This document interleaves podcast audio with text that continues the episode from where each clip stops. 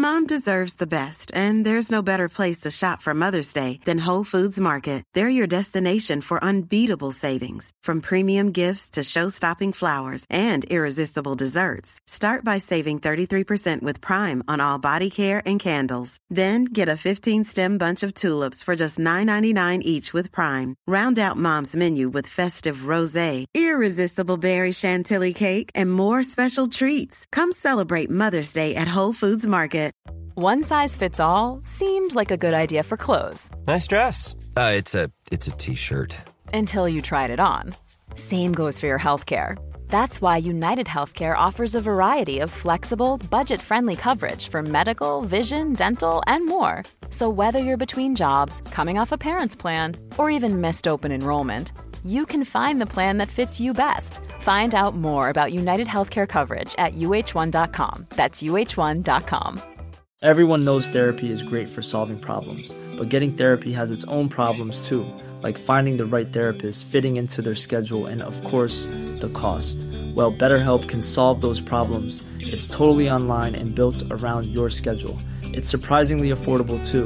Connect with a credentialed therapist by phone, video, or online chat, all from the comfort of your home. Visit betterhelp.com to learn more and save 10% on your first month. That's BetterHelp, H E L P. Vi är denna vecka sponsrade av Indie Beauty. Och Sofie, det här tycker jag är extra fint och extra roligt.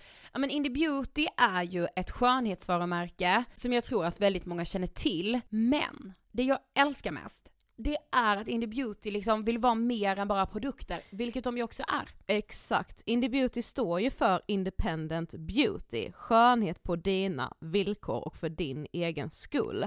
Och Indie Beauty tror ju stenhårt på ett alternativt skönhetsideal fritt från måsten, skam och känslor av otillräcklighet. Där är jag helt med Indie Beauty. Jag med. Det är så jag vill att skönhet ska vara. Ja men verkligen. Och vet du vad som är nytt för i år Sofie? Berätta. Från och med i år så skänker Indie Beauty 1% av sin försäljning till Suicide Zero, Tjejzonen och Djurens Rätt. Så när man handlar produkter från Indie Beauty så kan man liksom känna att man också ger tillbaka till samhället. Ja, kraften i tillsammans. Ska jag säga en sak nu då som Mm. jag, det, men det är detta jag är extra glad över.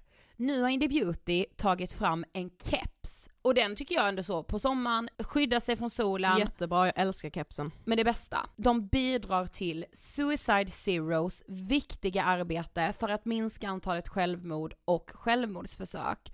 Så för varje såld keps så går hela vinsten, 100 kronor, direkt till Suicide Zero. Då kan man liksom göra nytta både för samhället och sin hud på en och samma gång. Ja, och kepsen kostar 169 men alltså hela vinsten går då som sagt till Suicide Zero. Så om man vill göra skillnad när man är där ute i solen, nu när den börjar titta fram, då ska man välja den här kepsen. Den säljs exklusivt på indiebeauty.se och på Apotea. Tillsammans kan vi skapa en ljusare framtid. Vi ses med kepsarna på! Tack Indie Beauty. Vi är sponsrade av Mindler och som ni säkert vet sedan tidigare så är vi ju ute på psykologresan tillsammans. Men hur vet man egentligen när det är dags att söka hjälp? Ibland uppstår saker i livet som kommer utmana oss och kännas tufft. Det mesta självläker vi oss igenom, för vi är menade att ta oss igenom en viss mängd påfrestningar. Men ibland behöver man professionell hjälp för att ta sig ur jobbiga perioder i livet. Men vart går då gränsen? Vad är en del av livets skavighet och när är det läge att söka hjälp? Det sägs till exempel att stress är farligt, men att det också kan vara bra. Alla sover dåligt ibland, så när har man egentligen sömnproblem? Ångesten kommer väl krypande för de flesta någon gång. Så när ska man se ångesten som outhärdlig? Hur vet jag? Med oss som psykolog har vi såklart min gamla psykolog Linnea Seidbrant. Men Linnea, vad är egentligen utmattningssyndrom? Utmattningssyndrom är en konsekvens av svår och långvarig stress utan möjlighet till återhämtning. Vi är ju då skapta för att klara av stress, men vi behöver också återhämtning. Om du utsätts för för mycket stress under en lång period utan att du får till den nödvändiga återhämtningen så kommer kroppen till slut att säga ifrån. Och det är faktiskt så att alla har en gräns. Du kan drabbas av en rad fysiska eller psykiska besvär som trötthet, sömnproblem, hjärtklappning, besvär från magen och tarmarna och mycket annat. Och det här är ju då varningssignaler och tecken på att du kan behöva göra någonting åt din situation. Annars så kan besvären utvecklas till att du mår så dåligt på sikt att du blir psykiskt och fysiskt utmattad. Ladda ner Mindler till din telefon och läs mer på mindler.se. Vi hörs sen, sa han försiktigt. Om du känner för det, annars inte. Eller om du känner för det. Nej, så är det inte tyvärr. Det är om du känner för det som vi hörs.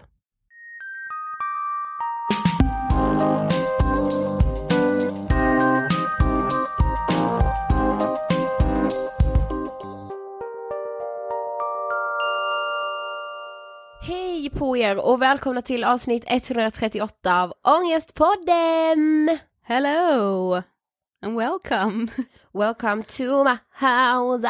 Welcome to all international uh, listeners. Ändå sjukt att vi hade börjat, vi bara vi ska börja på engelska. ja. Nej det ska vi inte. nej, det ska vi inte för allas trevnad. Hur är läget? Nej men okej, idag mår jag så himla dåligt. Inte psykiskt utan fysiskt för jag har så, så, så ont eh, i magen. Och det är typ, eller typ längre ner liksom. Alltså det är ägglossning. Och Mm. det är, alltså gud jag ska fråga någon av er, är det någon av er som när ni har ägglossning får smärtor som är, alltså på ett sätt som är helt sinnessjukt. Alltså jag har så ont så att jag tror att jag har blindtarmsinflammation för det sitter på höger sida också. Det har jag trott nu, detta är tredje månaden jag tror det är samma tidpunkt. Men jag tror, alltså i detta nu tror jag att det är det. För jag bara, det kan omöjligt vara något annat som gör så här ont. Grejen har jag vi, hört ja, vi har ju fått rätt mycket mail om just så här, alltså, Endometrios. ja, Men det är väl i samband med mens? ja det är ju det. Men det kan ju ändå vara någon som känner igen sig, alltså jag menar det, är- det är så mycket man inte vet, som man inte får Ja. lära sig. Precis. Om hur det är. snälla kan ni skriva till mig om ni med har ett fucking helvete när ni har ägglossning och vad ni har gjort äh, åt det. Ah, jag kom liksom nyss upp till poddnätverket för jag hade pratat med mamma och bara grät. Men man blir så jävla Ja. liten när man pratar med sin mamma när man har ont. Alltså ja, och jag har så jävla ont. Alltså jag känner att jag har nästan feber, så ont har jag. Ja, men det är nog kroppens sätt att så här hantera smärtan. Du, på tal om smärta. Mm. Jag är lite spänd inför dagens avsnitt. Ja, det är jag med. Eh, främst på hur det så här ska mottas. Ja. Ehm, för att vi har ju liksom snuddat typ i det här ämnet lite så här i våra intron och lite i förra veckans avsnitt också, kind of. Ja men så här. Vi fick en idé. Nämligen att göra mer avsnitt om kärlek såklart, olycklig sådan, eller den här obesvarade eh, jakten kan man säga, som ni har önskat så himla mycket. Och så vi bara okej, men kan vi göra något twist på det här och sådär.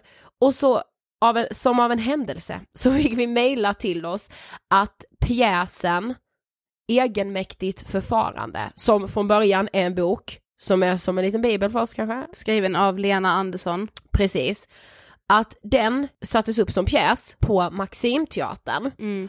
Och vi bara okej, vi måste prata om det egenmäktigt förfarande tar upp med någon av de som spelar. Nu låter det här jätteluddigt men vi ska förklara allting. Mm. Grejen är att jag läste, jag har ju läst boken två gånger nu. Mm. Eh, och första gången jag läste den, det var liksom länge sedan, jag tror det var typ, nej, vi hade bott i Stockholm ett tag, men så kanske typ så här tre år sedan. Ja. Eh, och då var den nästan för tung för mig för att så här, kunna ta in. Ja. Eh, det kanske var för att jag inte hade lika mycket erfarenhet av eh, det här maktspelet som boken typ går ut på. Mm. Eh, så det var lite annorlunda nu att läsa den andra gången för man kände ju igen sig så jävla mycket. Men jag tänker så här, många av våra lyssnare kanske aldrig har talas om boken. Nej. Så vi måste verkligen berätta. Vad handlar egenmäktigt förfarande om? Egenmäktigt förfarande handlar om eh, en kvinna som heter Ester och Mm. en man som heter Hugo Rask. Eh, och Hugo är konstnär och Ester får i uppdrag, hon är så journalist och Mm. skriver, så hon får i uppdrag att skriva ett arbete om honom och blir, eh, jag skulle säga besatt Ja. av Hugo. Men också dödsförälskad. Ja, och hela boken går väl ut på, Ja men så här. de inleder någon slags relation Mm. som i Esters värld är allt och i Hugos värld är tidsfördriv. Mm. Och hela den grejen har man ju varit med om själv så många gånger att det här, man jagar någon och så tycker man sig tolka någon signal som man bara, jo men vi, han gillar mig visst. Mm. Ah shit varför skulle han annars göra så? Aha, han ringde mig den här natten. Ah okej, säg, säg en gång till att han inte är kär i mig. Man Mm. bara, det behöver han inte vara. Det kan bara vara ett samtal. Precis, som inte betyder någonting. Ja. Och sådär, och så här, vilka liksom skyldigheter har man gentemot en annan person? Säg att man har legat med dem en gång eller man har gått på en dejt en gång, vad har man för skyldigheter? Mm. Så det finns ju liksom inga regler, det är inte skrivet i svensk lagbok vad som kommer till. Nej. Ändå är jag, kan jag säga, och det var det jag kände igen mig i den här rollkaraktären Ester och som jag tror så många, framförallt kvinnor, Mm. ja men hela det här att man liksom bara, men så kan han inte göra, han kan inte bara storma in i mitt liv och, och så här, när jag, för jag blir så svag för honom, jag vill ha honom så mycket. Ja, men det är lite så här, han kan inte ta sig rätten till mitt hjärta. Ja, men han har ju precis. inte gjort det, man har ju i princip gett bort det bara. Ja, och hela det där är så intressant. Mm. Så vi kände bara, vi måste prata mer om det, just de här relationerna. Vi hoppas inte att det ska bli för luddigt, det ska jag säga. Mm. Ja, och vi känner att vi behöver säga det nu redan innan, att så här, vi kanske generaliserar lite i det här avsnittet. Ganska I, mycket, ganska så grovt liksom. Ja, och vi pratar mycket om så här hennes känslor och hans känslor. Eh, vi hoppas inte att någon ska ta illa upp av det. Vi vet att det finns icke-binära som lyssnar på oss Ja. och vi glömmer inte bort er men i det här avsnittet så blev det så här Mm. för att just så här, vi ville prata utifrån de här rollkaraktärerna Mm. men också sätta in det i våra egna liv. Ehm, så ja, vi menar ingenting illa med det men vi ville verkligen bara förtydliga det. Och med oss i dagens avsnitt har vi skådespelerskan Jessica Lidberg som ju spelar Ester i den här teateruppsättningen av Alltså. egenmäktigt förfarande. Alltså jag var, har nästan aldrig varit så nervös inför en poddinspelning. Nej, det känns ändå så här stort att sitta ner med en så här riktig skådis. Ja men jag känner så här, alltså för mig är hon så aktad Mm, eh, och sen när jag först hörde Jessica Lidberg mm, då fick jag ingen bild. nej. Sen googlade jag bara, jaha! Så googlar hörni för man har sett henne i så många svenska filmer, teatrar, allting. Mm, Hon är liksom en jättekänd skådis. mm. Och ehm, ja, jag tyckte det var så spännande att sitta ner med henne och just prata om det här. Jag är ju besatt av kärleksrelationer som ni vet. Mm. Ja, och också hur hon har tolkat hela manuset och hela boken. Ja. Eh, Alltså nu när vi pratar om det så här, på manus, bok, ni bara okej vi stänger av för vi har inte läst boken, vi har inte, eh, ingen aning om vad manus handlar men om. det behöver ni inte Ni göra. behöver inte ha det för ni kommer kunna relatera ändå. Mm. Och ni kommer vilja läsa boken efter. Gud ja. ja.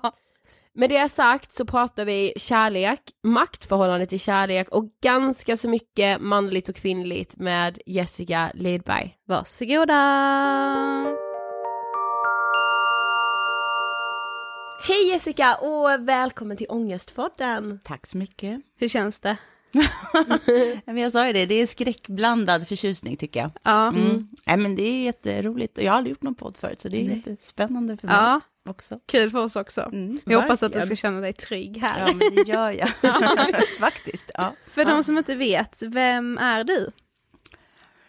Vem är jag? Ja, men jag heter Jessica Lidberg, jag är skådespelare. Jag har jobbat jättelänge som skådespelare, mest på Stockholms stadsteater, fast jag frilansar, men jag har varit där jättemycket. Och ehm, just nu så kan man väl säga att jag eh, spelar i egenmäktigt förfarande som går på Maxim. Ja men grejen är det känns som att man har sett dig Alltså så här, jag har ju vetat vem du är för alltid. Som. Ja. men det har ju med filmen tillsammans att göra. Ja, Alltså precis. det är Ja. ju, det är ju, ehm, det är ju fortfarande så att, att eh, alltså det händer inte ofta nu, men det händer ju då och då. Alltså, och, alltså unga människor som jag tänker så här, men de har väl inte sett den, för den kom ju ändå för, för vad är det, Ja, men den 17, måste... 17 år sedan, alltså, Ja, typ. ja, typ vid Ja, 2000. 2000, ja, och, ja. ja. Så jag tänker att de har ju inte, nu stöter jag till mycket de har ju inte en aning om vem jag är, men, men då är det liksom, då är det så här, ah, jag måste bara fråga vad du med ah, jag känner igen dig. så det är ju därför. Folk tror ofta att de har varit på fest med mig, eller någonting sånt ditåt. Ja men jag lovar ifall Mm. folk så här googlar nu Jessica Lidberg så Mm. kommer liksom alla bara åh, Ja, man det ser bild. hon ja, som visade rumpan, precis, det gjorde jag ju inte men. Ja, ja. Och sen har jag ju, alltså jag har ju gjort, du vet, en dag här och en dag där, typ när jag tittar på mitt CV så ser jag ju typ i allra flesta svenska tv-serier eller sådär, alltså så. Men ja, jag gör ju egentligen nästan bara teater, tänker jag då. Mm. Är det roligare? Nej men alltså jag skulle jättegärna filma mer, alltså, om Mm. man nu ska, verkligen, för det, det är ju, det är ju samma yrke fast eh, liksom eh, någonting helt annat. Ja, och, och det är klart att eh, när man har jobbat så länge med, med teater så kanske man, då blir man ju också väldigt sugen på att testa liksom en annan del av samma, ja, fast annorlunda. Men det är ju inte, eh, det är inte alla som får göra det liksom, det, det är ju ganska få förunnat Mm. ändå. Ja. Nu ska du få Ångestpodden-frågan. Mm. Eh, vad tänker du på när du hör ordet ångest? Nej, men jag tänker att det är ju en eh, jättestark kraft som liksom kan vara egentligen tror jag både eh, eh, alltså konstruktiv och destruktiv och att det, det är liksom någonting som eh, exploderar och imploderar på samma gång. Alltså så att det liksom är, och att, att det är därigenom på något sätt nästan, alltså jag ser framför mig, du vet någon sån här liksom lite stillastående högspänning som bara inte kommer någon vart alltså. Ja. Det ser jag framför mig Ja. när Det jag tänker sant. ångest. Det har ingen sagt innan, Nej. alltså vi ställer ju alltid den frågan, men just det här med en högspänning som inte kommer någonstans, alltså, ja. Ja. det är så sant. Det kan ju liksom bokstavligen faktiskt verkligen slå en till marken. Ja, Mm. Eh, Men det, jag, jag, jag gick ju i terapi för eh, några år sedan. eh, Och då vet jag att min terapeut sa att ångest är eh, typ tankar som bråkar med varandra. Att man liksom då, alltså att när det blir så att man verkligen inte till slut, hjärnan eh, kokar väl eller någonting, ja. kan jag tänka mig. Ja. Ja, Men du är ju som sagt aktuell nu med föreställningen Egenmäktigt förfarande, ja. eh, som ju är en bok från början. Mhm. Eh, men för de som inte vet, vad handlar den om? Egenmäktigt förfarande som är skriven av Lena Andersson eh, handlar om Ester Nilsson och Hugo Rask, kan man väl säga. Men jag skulle säga att det, det, det handlar ju liksom om, om, om eh, makt och maktlöshet Mm. i en kärleksrelation.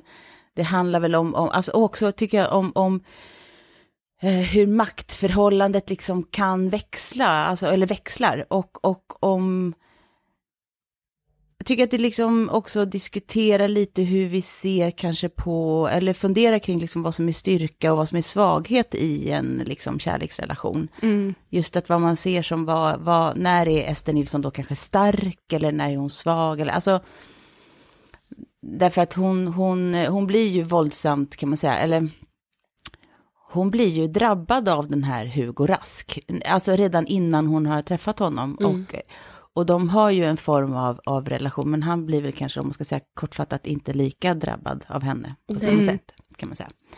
Och, ja, och detta eh, vänder och vrider Ester Nilsson på under ett par plågsamma år. Det kan man säga. Ja, verkligen. Ja, för du spelar ju Ester. Mm. Eh, och hon känns som en väldigt så här, uppmärksammad figur. Mm. Alltså när Lena skrev boken och hon blev väldigt uppmärksammad. Ja. Men alltså hur är det att spela henne? Vem är hon? Ja, ja, det, ja, jag, jag fick, alltså jag fick, den frågan har jag ju fått många gånger, speciellt innan premiären, och jag liksom duckade ju alltid för den frågan, för att, alltså särskilt liksom innan man kanske har börjat, när man är mitt i ett, i, början av ett arbete, som en repetitionsperiod är ju i början av ett arbete, sen liksom spelar man och då fortsätter ju arbetet, men, men jag, jag, det, jag ville liksom inte riktigt sätta ord på då kanske vem Ester Nilsson är. Och det är också många upplever, tror jag, eh, eller vet jag, som ju har väldigt, eh, fått väldigt starka bilder som tagit henne liksom till sig. Eller, eller, kanske, eller kanske skjutit henne från sig, just för att, för att hon är, är eh, kanske, tycker vissa, en jobbig person. Men jag, alltså, jag tror, när jag läste så tror jag att jag tänkte först på att hon är en, en ganska kontrollerande person och, och, eh, och därigenom då också en person som har ett behov av att liksom gå över alla gränser. Att hon Ja. liksom, och också att hon är, det finns ju också det här att hon hela tiden analyserar sitt beteende.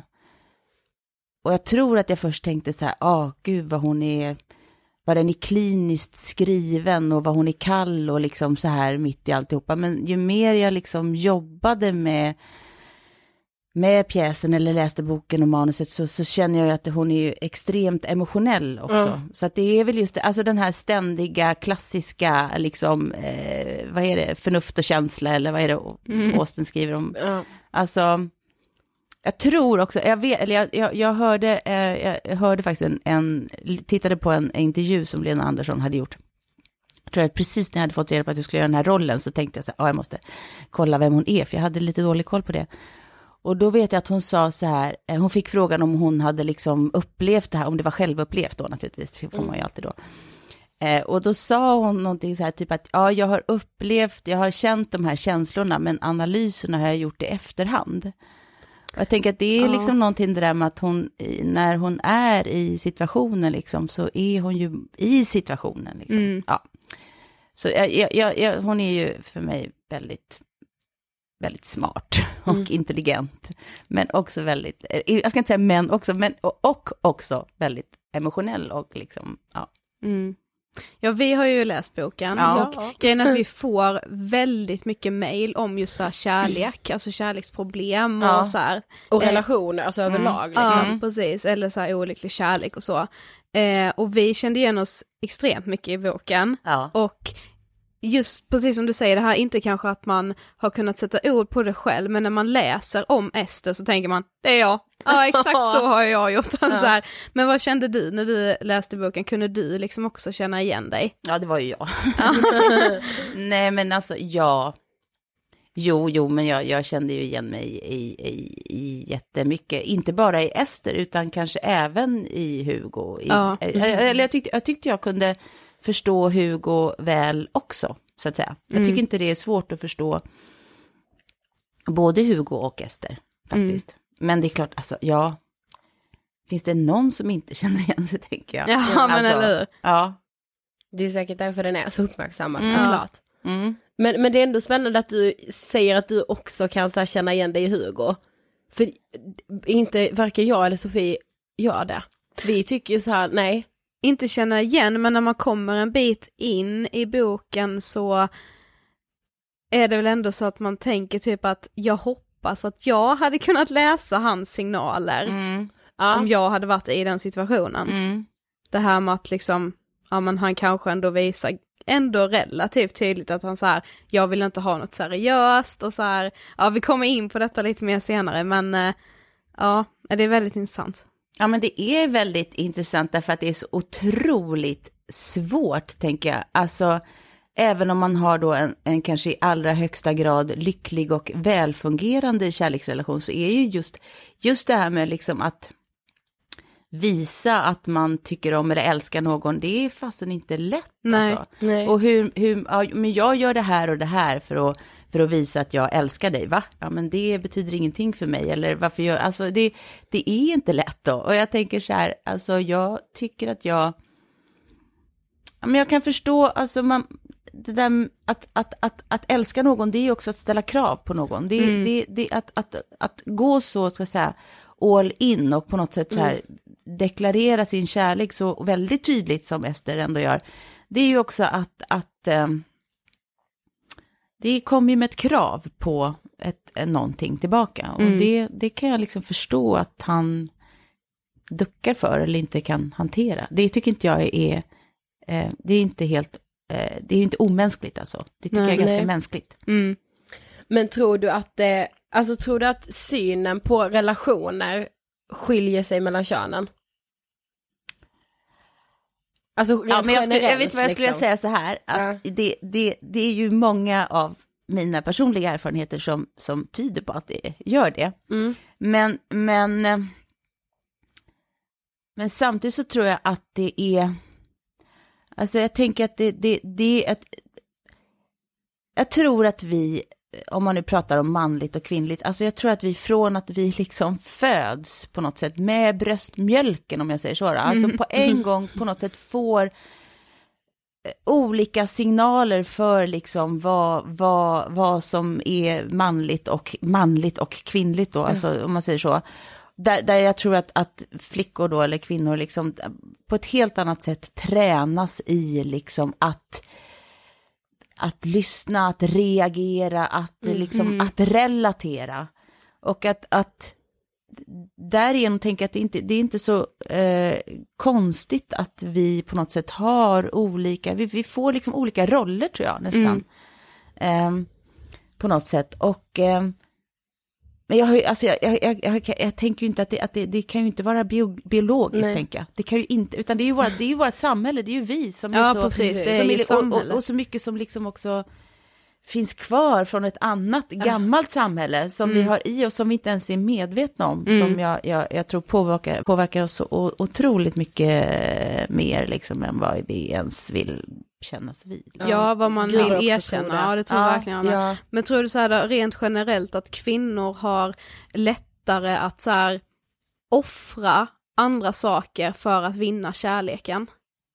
Alltså att man börjar Men det liksom... tror jag vi har- också är någonting som vi i sådana fall då, alltså, vad ska man säga, fostrade in i. Där, Därför att, ja, men det har, jag väl, det har väl också kanske liksom det här med att, att det är ändå kvinnorna som bär och föder barnen. Mm. Att det, det finns ju någonting i att man, våran, om man ska säga, våran, våran, våran främsta uppgift här på jorden, det är ju liksom att fortskapa oss på något sätt. Och Mm. att, att kvinnornas främsta uppgift är ju då, om man, alltså inte att jag tycker så här, Nej. men att om man nu tittar på det liksom på något sätt så, så är ju det att, att, att få barnen att överleva. Mm, och det är klart precis. att då måste man ju sätta allt annat åt sidan. Mm.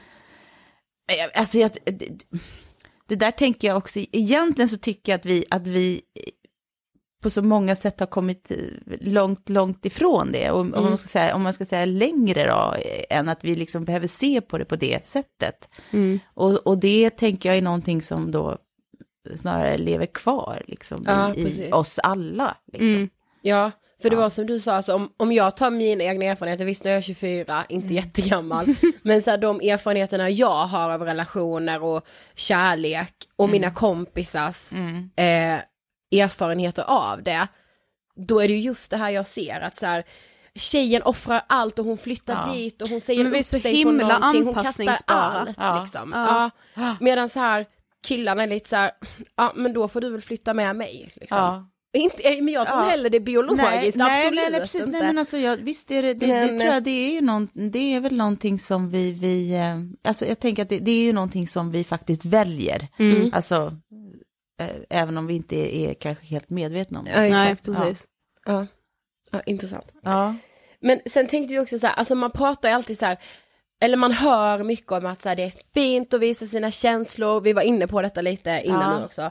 Och så här, att älska högt och mycket och sådär. Men Lena beskriver ju ändå att det är som att hamna i ett underläge. Ja, men alltså, ja, jag vet inte om jag har, håller med om det, att säga. Nej, men jag vet Nej. inte, är det så fint att liksom, vi, jag tycker det finns en, en, en, ett, jag ska säga, alltså det finns ju fortfarande ett, jag ska inte säga förakt kanske, men att man, att, eh, på, på sva, att, att, att man ser liksom ett visst förakt på svaghet och att, att liksom visa eh, starka känslor och eh, så, det har ju också på något sätt ihop med någon sorts, tycker jag, att man, det känns som att det, man, man, man öppnar upp på något sätt, man, liksom, man gör sig sårbar, man visar sig liksom svag. Eh, det vet inte jag om det är så himla, eh, om man, ehm, Alltså kanske då, jag tänker så här, kanske om, om det är, om det är en, en lycklig ömsesidig kärlek, då kanske det är väldigt, eh, naturligtvis väldigt eh, fint och fortfarande så här om, Precis. alltså finns ju, alltså par är ju alltid liksom mycket Ja. bättre än om man är själv Ja, på något precis. sätt. Men, men att, att, att liksom älska någon och, och eh, inte vara älskad tillbaka, det är väl, det är väl skulle jag säga nästan, alltså, eh, nästan liksom skam, skambelagt på något annat sätt, eh, tror jag. Men så, alltså jag tänker också, alltså man måste ju, jag tror ju att, att eh, man måste ju på något sätt, eh, för att våga eh, liksom älska så måste man ju blotta sig eller måste våga ge upp, ge upp eh, liksom sitt oberoende eller eh, så. Jag tror att, att kvinnor kanske liksom är lite, modigare, kanske just för att vi har liksom tränats mer i relation och liksom det, Mm. tror jag. Alltså det här låter väldigt flummigt känner jag nu när jag pratar om Nej, det. nej, nej. Nej men det är för att det är ganska flummigt. för Ja men det är flummigt. det är det. ja. jag tror också att det är så att vi, vi, jag tror att vi lever ju i det här allihopa och samtidigt är det så mycket som vi eh, kvinnor och män, men fram, om jag tänker på oss kvinnor nu, om jag tänker på mig som kvinna, det är så mycket i mitt huvud som jag känner så att det där vill inte jag känna av, jag vill inte, jag vill inte When you're ready to pop the question, the last thing you want to do is second guess the ring. At Bluenile.com, you can design a one of a kind ring with the ease and convenience of shopping online. Choose your diamond and setting. When you find the one, you'll get it delivered right to your door. Go to Bluenile.com and use promo code LISTEN to get $50 off your purchase of $500 or more. That's code LISTEN at Bluenile.com for $50 off your purchase. Bluenile.com code LISTEN. Planning for your next trip? Elevate your travel style with Quince. Quince has all the jet setting essentials you'll want for your next getaway, like European linen, premium luggage options, buttery soft Italian leather bags, and so much more. And is all priced at 50 to 80% less than similar brands.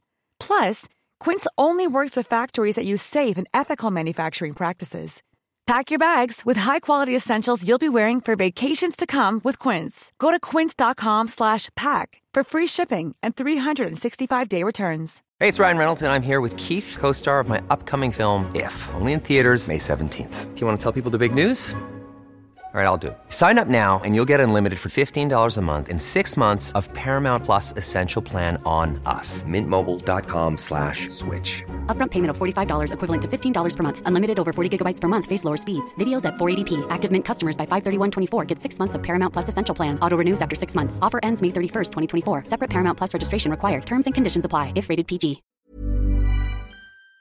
Att det ska vara så. Jag vill liksom inte befästa det, jag vill inte fortsätta att liksom så fort jag träffar en man, alltså nu var det länge sedan jag träffade någon man, men mm, att, att liksom lägga mig platt eller, och Precis. samtidigt så kan jag ju absolut känna, och kanske även i andra relationer, att det är, är väldigt lätt att jag blir otroligt emotionell och på något sätt går in i någonting väldigt mycket. Mm. Ja. Ehm, och det där känner jag att jag bråkar med, liksom, Mm. med Ja. mig själv. Men det känns Gud, vad lite som att alla brå- bråkar med på ett sätt för att när man pratar om det så här då säger alla alltid att åh men vadå det är väl typ det starkaste som finns att våga blotta sig för någon annan och att Ja. visa känslor och hela Mm. den här men sen när någon väl gör det eller så här då blir man ändå den där svaga som inte liksom kunde vara lite så här iskall och Ja, vänta ja. ut att "Ja, men du, nu skickade du tre sms på raken, det skulle du ju inte göra liksom så här, då är man plötsligt den svaga ändå trots att man så här,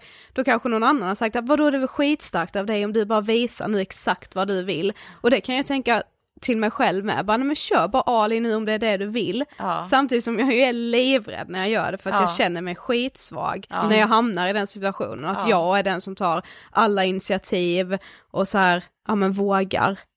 Och, och, det, men det, och det är också i sina egna ögon som man här, på en gång alltså, vänder det till att man eh, blir den som ville för mycket. Eller, ja. Det, det skriver ju också Lena Andersson, eller, och Ester Nilsson tänker detta i boken, typ, att den som vill minst har mest makt. Den Ja. som bromsar är alltid den som bestämmer. Liksom. Precis. Och det, det är mycket mer att det kanske är så det måste vara, för att, också på något sätt, därför att om, om Ja, men just det här med att, att, att om man ger all den där kärleken då, det, det, det kommer ju som sagt vara med ett krav och, och att liksom, det blir ju som nästan som ett ehm, övergrepp kanske, K- skulle kunna vara som ett övergrepp på en annan människa om man, liksom, om man kräver den där kärleken tillbaka. Det är ju Mm. inte, det, det kan man Nej, inte det- heller göra. Nej, Nej. precis, jag hade Nej. ju inte velat bli tillsammans med någon som Nej. jag har blottat mig för, men där det inte är ömsesidigt. Nej, nej, precis. Bara för att jag har varit modig nu och delat med mig så ska så han eller ställa hon... upp i den här relationen. Ja, här. för nu älskar jag dig, så är det. men tror du det här kanske ändå, du redan typ har svarat på, men så här, tror du att kvinnor har, för vi läste en intervju där du sa att du ändå var lite trött på att så här jämföra det här med manligt och kvinnligt och att det liksom inte var någon skillnad där egentligen, alltså så här Ja. hur man liksom ser på relationer och så här. Men tror du att kvinnor kanske har enklare att få de här snabba kärleks eh, liksom känslorna till en person som, som i boken. Alltså, Ja, du menar att Ester skapar ju faktiskt eh, liksom en, en, sorts relation, hon skapar ju sig själv en egen relation till Hugo innan de ens har träffats.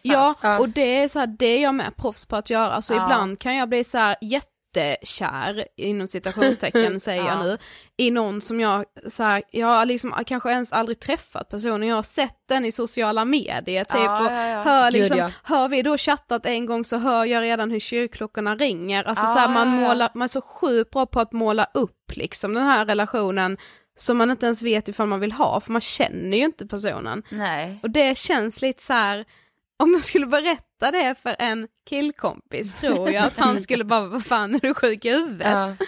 Ja, du menar att det där skulle vara specifikt för, för kvinnor? eller lite för tjejer? typiskt ja. tjejer, jag vet inte om det är det, men det känns som det.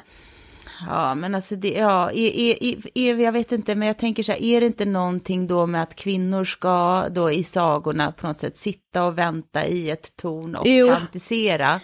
Och eh, liksom mannen ska gå ut och klättra över törnen och liksom komma och ge kyssen. Att det, det, Ja, det är finns det här gräset i, som är ja, men Det finns ju grönare. någonting passivt i eh, kvinnans eh, roll då. Alltså, precis. all, allt är så här situationstecken känner jag. För vad jag är trött på eh, är ju kanske att, att att man liksom, att man fortsätter, eller att vi, för jag inkluderar, alltså jag tycker vi gör det allihopa på något sätt, vi fortsätter ju så lätt att befästa de här grejerna, rollerna. Mm. Och, och, och vad jag menar är bara så här, det behöver ju inte vara så. Det Nej. är liksom inte något, det är inte skrivet liksom i en sten som, utan det är ju någonting som vi skapar och återskapar. Mm.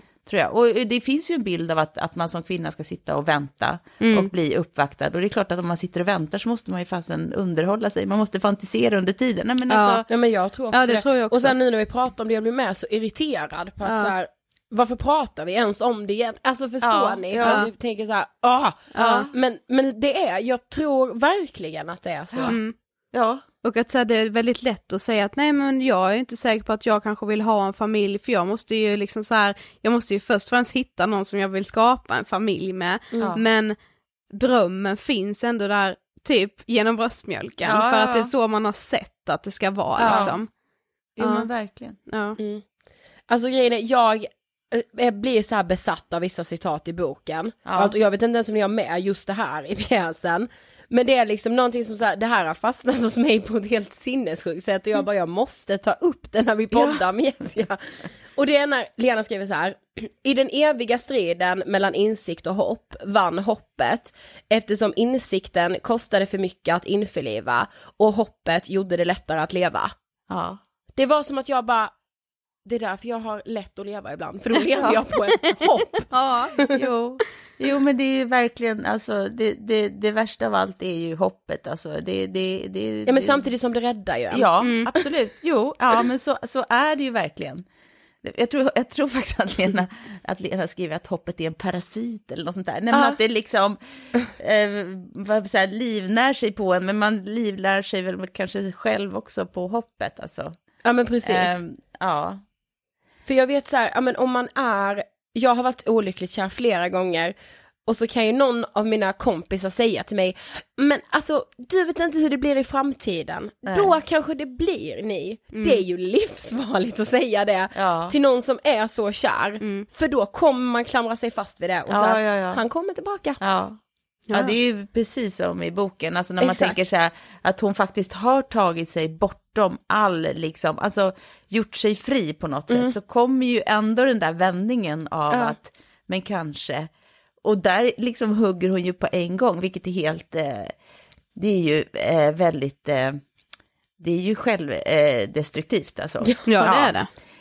Men det är vi väl alla lite till lags, eller jag säga, till mans lite självdestruktiva kanske. precis. Mm.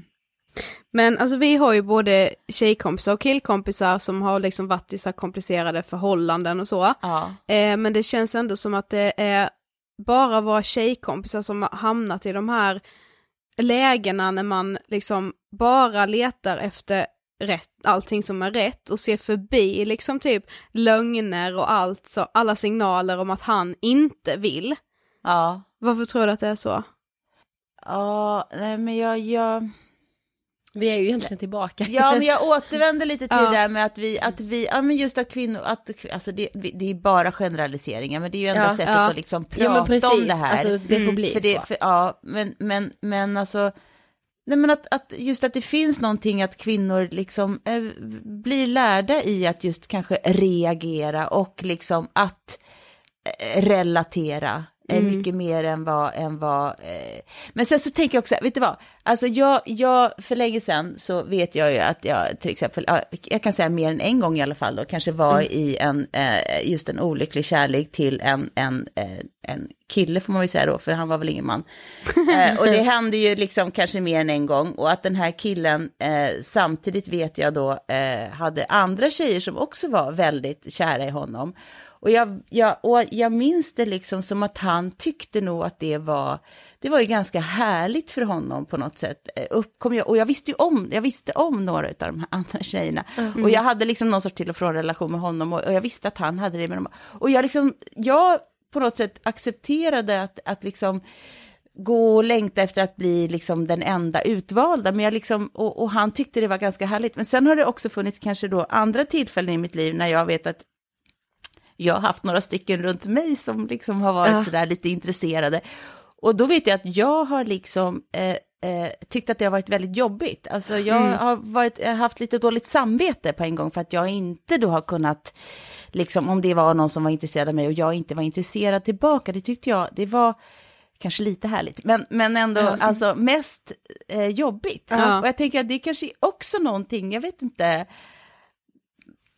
av att, ja, någon, jag, jag tänker, det, det eller det kanske bara var jag, men, nej, nej. men jag tänker Jag att det, det, det är någon bild liksom, som jag också får i huvudet ändå, att, att på något sätt för killar är det liksom lite coolt att ha flera tjejer, Precis. men, men, men, sen är tjejer frågan- ska liksom bara hålla sig till en. Ja, alltså Precis. killar är mycket, liksom, egentligen mycket sämre på att ge tydliga tecken eller vara liksom raka. Mm. Ja. Men, men att de också eh, finner ett större nöje i att just hålla på med det här. Så det är inte liksom, om man ska säga, det är inte bara, det är inte bara tjejernas fel tror jag. Nej. Utan det är också, det är ju liksom också någonting som, som är, är eh, ja, lite mer typiskt för, för killar tror jag än för tjejer. Liksom. Ja. Att, att, att leka i den situationen. Vi tänkte också på det här med att, med att vara vän till någon som är i en sån här relation, eller egentligen en icke-relation. Ja. Eh, ja men om man försöker säga ifrån och säga så här, ja men vet du vad, skit i honom nu. Det Ja. här är inte bra. Liksom Ja. fjärde gången när kompisen kommer och är superledsen, helt förkrossad och bara det här har hänt. Men alltså, vad tycker du att man ska göra som vän? Ja, men det, där- det där är ju, alltså jag skulle säga att jag inte är någon bra vän, för jag, jag tenderar nog att gå in alldeles för emotionellt själv. Alltså Ja. jag, jag, jag är, eh, det där är ju jättesvårt. Mm. Alltså vad ska man, vad ska man säga, eh, meditera över saken. Nej, Ja, men, men alltså, så du är med den här vännen som ändå kan säga så här, jo men det kan bli bra. Nej det skulle jag nog inte göra. Nej. Nej, det tror jag inte. Jag tror att jag skulle vara för, för cynisk, höll jag på att säga, eller alltså krass kanske då. Mm. Ehm, nej, det skulle jag nog inte göra alltså. Nej, men det är alltså, svårt. Ja, det är jättesvårt. Mm. Det, det är väl alltid bra att, att, att vänta lite med att skicka så många sms, så många långa sms och mejl i alla fall. Det rådet kan man ju ge. För det, Det är det känns bra. alltid jobbigt efteråt. Det ångrar man alltid. Ja, Ja. ja, ja. Men jag har nog varit både den där kompisen som kanske ibland har varit lite för hård, som bara, bara skit i honom nu, radera. Men jag har ju också varit den som bara, nej det kan bli nej ändå.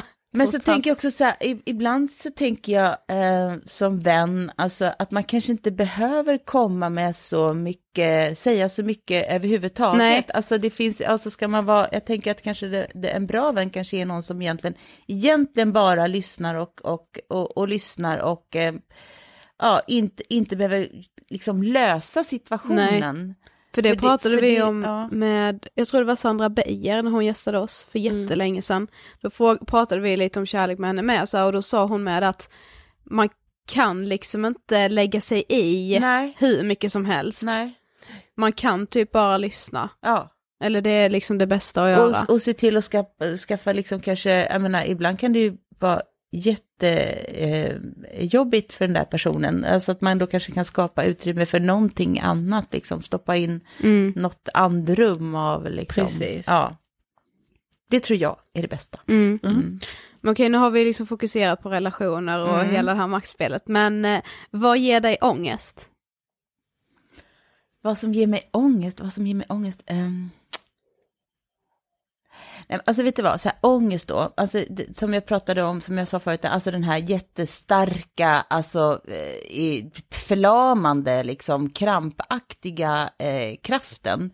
Det har jag ju då kanske haft några gånger, men det har ju varit i, i, i eh, svåra kärleksrelationer som där kommunikationen har liksom helt eh, förstörts kan man säga. Ja.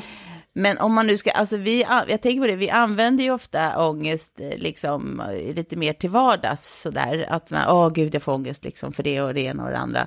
Vilket jag tänker kanske, det är ju egentligen ett, ett uttryck för, tror jag, liksom en, en sorts oro som man kanske får för olika saker.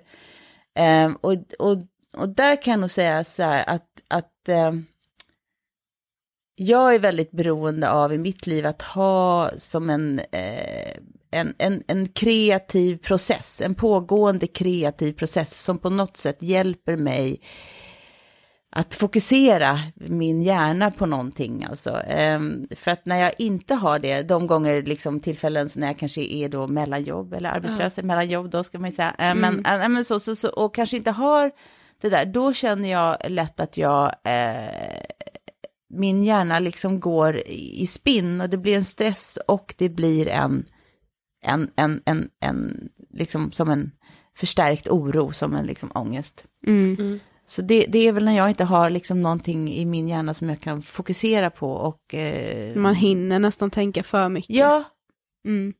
det... det så utan, utan, utan liksom en, en pågående kreativ process, då får jag ångest. Mm. Ja. Jag tror det är väldigt vanligt. Ja. Jag tror, Och många ja. som sysselsätter sig för att slippa få ångest. Ja, Mm. För att de märker det att så fort de är lediga eller så här, så Har fort de har ja, precis, uppnått det där nya målet, då Ja. kommer ångesten tillbaka. Ja. Det är därför målen höjs hela tiden också. Men det är också fruktansvärt när man tänker på det då att vi människor ska liksom ha ångest som en sorts grundläggande liksom eh, Ja, eh, drivkraft eller liksom så. Det är ju också, eh, det är väl därför man ska, eh, jag tänker på det här när man, att, att jag tänker på de som mediterar eller de som går i så här retreat, alltså det, det är, ju, eh, är ju verkligen en utmaning på Mm, något sätt. ja. Att, att eh, våga bara vara Mm. på något sätt. Jag Ja. tänker på de som åker på sådana här, ja men retreats där de ska vara tysta, typ Ja. så en vecka. Alltså för mig, jag bara, ska jag komma till en punkt i mitt liv där jag skulle klara av det? Ja. Det kan jag inte Nej. ens tänka mig. Det kanske är ett bra mål Ja. att kunna göra det. Ja, e- e- eller i alla fall så här, bara meditera kanske 20 minuter någon gång då och då. Ja. ja. Ja, att vi har kommit till sista frågan. ja, Vad inspirerar dig? men alltså jag måste, ja, ja, alltså jag måste ju säga så här, mina barn inspirerar mig, men det, det gör de ju faktiskt, alltså mina barn, och, och, och mitt arbete inspirerar mig. Och jag tror att egentligen om man ska tänka lite längre, alltså se lite längre då, så, så är det tror jag möte med andra människor som inspirerar mig. Mm. Tack så jättemycket för att du ville gästa Ångestpodden. Tack så mycket. Tack. Tack. Men grejen så här, efter intervjun nu, och du vet så här, jag har läst ut boken, jag har landat. Jag vet inte längre. Nej, alltså grejen är så här när man, när jag liksom, när jag bara tänker först på mina egna erfarenheter och så som vi har pratat om typ så här makt och relationer, lite så snuddat vid nu på sista tiden, Mm.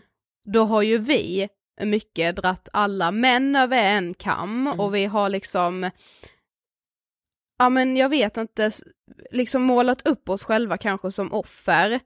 Fast när man sen prata mer om det och också när man läser boken, men jag tror inte man behöver göra det för att också känna så att så här att, ja men vad har man för skyldighet egentligen och är det jag som är så jävla naiv? Ja, jag vet. Men alltså så här, å ena sidan tänker jag exakt så, men å andra sidan så känner jag ju någonstans också så här att, fast om jag säger till en, om jag säger till en annan människa att så här, ja men det här tycker jag om dig och det här liksom, alltså jag tycker inte man utbyter de grejerna eller så här, jag tycker inte att det är helt så här normalt att bara sluta höras från en dag till en annan, att så här ghosta någon. Jag tycker Nej. det är helt sjukt. Ja, men om du har sagt vad du känner för någon, Mm. alltså han eller hon har ju kanske inte bett om det, du har ju på något Ja, ja. sätt tagit dig fri, alltså så här personen i fråga har väl ändå inga skyldigheter mot Nej dig? det är, det, det är där det blir svårt. Ja. Vad har man för skyldighet om någon kommer säga du, jag är störtförälskad Ska man säga bara stopp, stopp, stopp, stopp, stopp, säg ett mer! Ja eller hur, bara säga jag vill dela resten av mitt liv med dig. Ja. Vad gör man liksom? Man Nej bara, alltså jag, mig kan man inte fråga för jag är helt lost i det här alltså. Ja. Det är träsk. Men som sagt ni ville ju ha mer kärlek så Mm. här kom ett litet specialavsnitt tycker jag. Yes, Men jag vilja tror också så här kan jag säga att vi kommer behöva prata så jäkla mycket mer om det här. Mm. Alltså ur de här olika liksom perspektiven och förhållandena liksom. Mm. Jag skriv jättegärna till oss, alltså vi älskar att få så era analyser Ja, som, som ni har gjort ibland av vissa, alltså så här, det kan vara en mening vi har sagt i podden, Ja. men så här, det öppnar liksom upp, alltså ibland säger vi skitbra saker och ibland säger vi kanske saker som inte har någon så här eftertank e- eftertänksamhet kring egentligen och då Nej. är det så spännande att få era så här infallsvinklar för att då lär man sig så jävla mycket om sig själv. Maila oss på angespodden.ingetfilter.se eller skriv till oss på Instagram, där heter vi Angespodden. Det gör vi. Stort tack Jessica för att du vill gästa Ångestpodden. Ja, jag är så spänd på att vi ska se egenmäktigförfarande på Maximteatern också. Ja, det ska bli så sjukt kul. Ja. Eh, Okej, veckans sist då. ja, den har vi faktiskt valt gemensamt. Jajamensan. Mm. Ni vet kanske vem Charlie Eriksson är. Han har gästat oss tidigare, men han drev i alla fall eh, projektet Aldrig ensam. Som vi älskar. Ja, som är ett projekt som, och precis som oss, vill lyfta psykisk ohälsa. Precis. Eh, och Charlie har verkligen inspirerat mig så länge, alltså du vet så här, Ja, sen men jag... från början av podden skulle jag vilja säga nästan. Ja, ja, men jag menar sen innan på den typ. Ja. Har han gjort det. Eh, och i torsdags för en vecka sedan, alltså när ni hör det här, så Mm. var vi på en eh, liten releasefest för en låt som Charlie har gjort. Ja, Charlie har alltså gjort den här låten tillsammans med artisten, förlåt för uttalet nu, Kristoffer Gressula. Okej. Grexula. Ja. Ja. Du, när vi var där på releasefesten så körde de ju den här låten live, Mm. Kristoffers röst. Oh my god vilken pipa han hade. Det var helt sjukt. Du, jag var helt, alltså jag bara stod och filmade med min mobil helt skakig var jag. Jag skulle filma men jag gjorde inte det. Alltså vet jag var helt så här när man bara, nej jag ska bara stå här och njuta. Ja, ah, det var så jäkla bra. Ja. Ja, och eh, vi frågade ju om vi fick spela den i podden. Mm. Och det fick vi! Så Yay! nu ska ni få höra You're Not Alone, Mm. Aldrig Ensam. Som ni alltid kan lyssna på om ni inte vill känna er ensamma i er psykiska ohälsa. För det är vi ju inte. Aldrig. Aldrig ensam. Så här kommer den.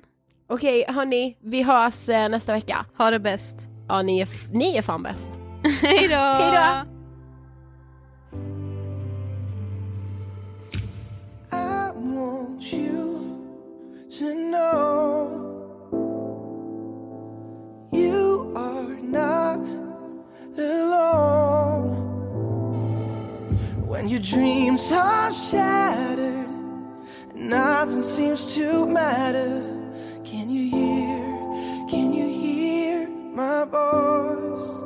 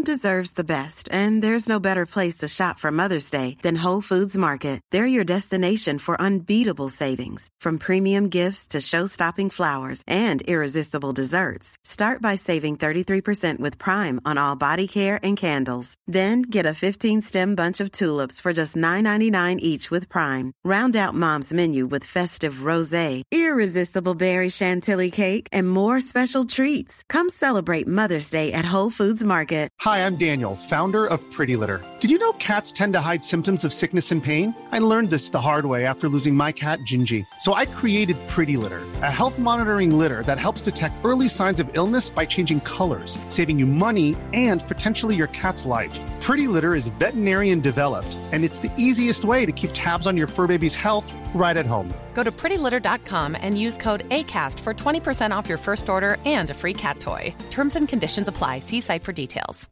Mom deserves the best, and there's no better place to shop for Mother's Day than Whole Foods Market. They're your destination for unbeatable savings, from premium gifts to show-stopping flowers and irresistible desserts. Start by saving 33% with Prime on all body care and candles. Then get a 15-stem bunch of tulips for just $9.99 each with Prime. Round out Mom's menu with festive rosé, irresistible berry chantilly cake, and more special treats. Come celebrate Mother's Day at Whole Foods Market.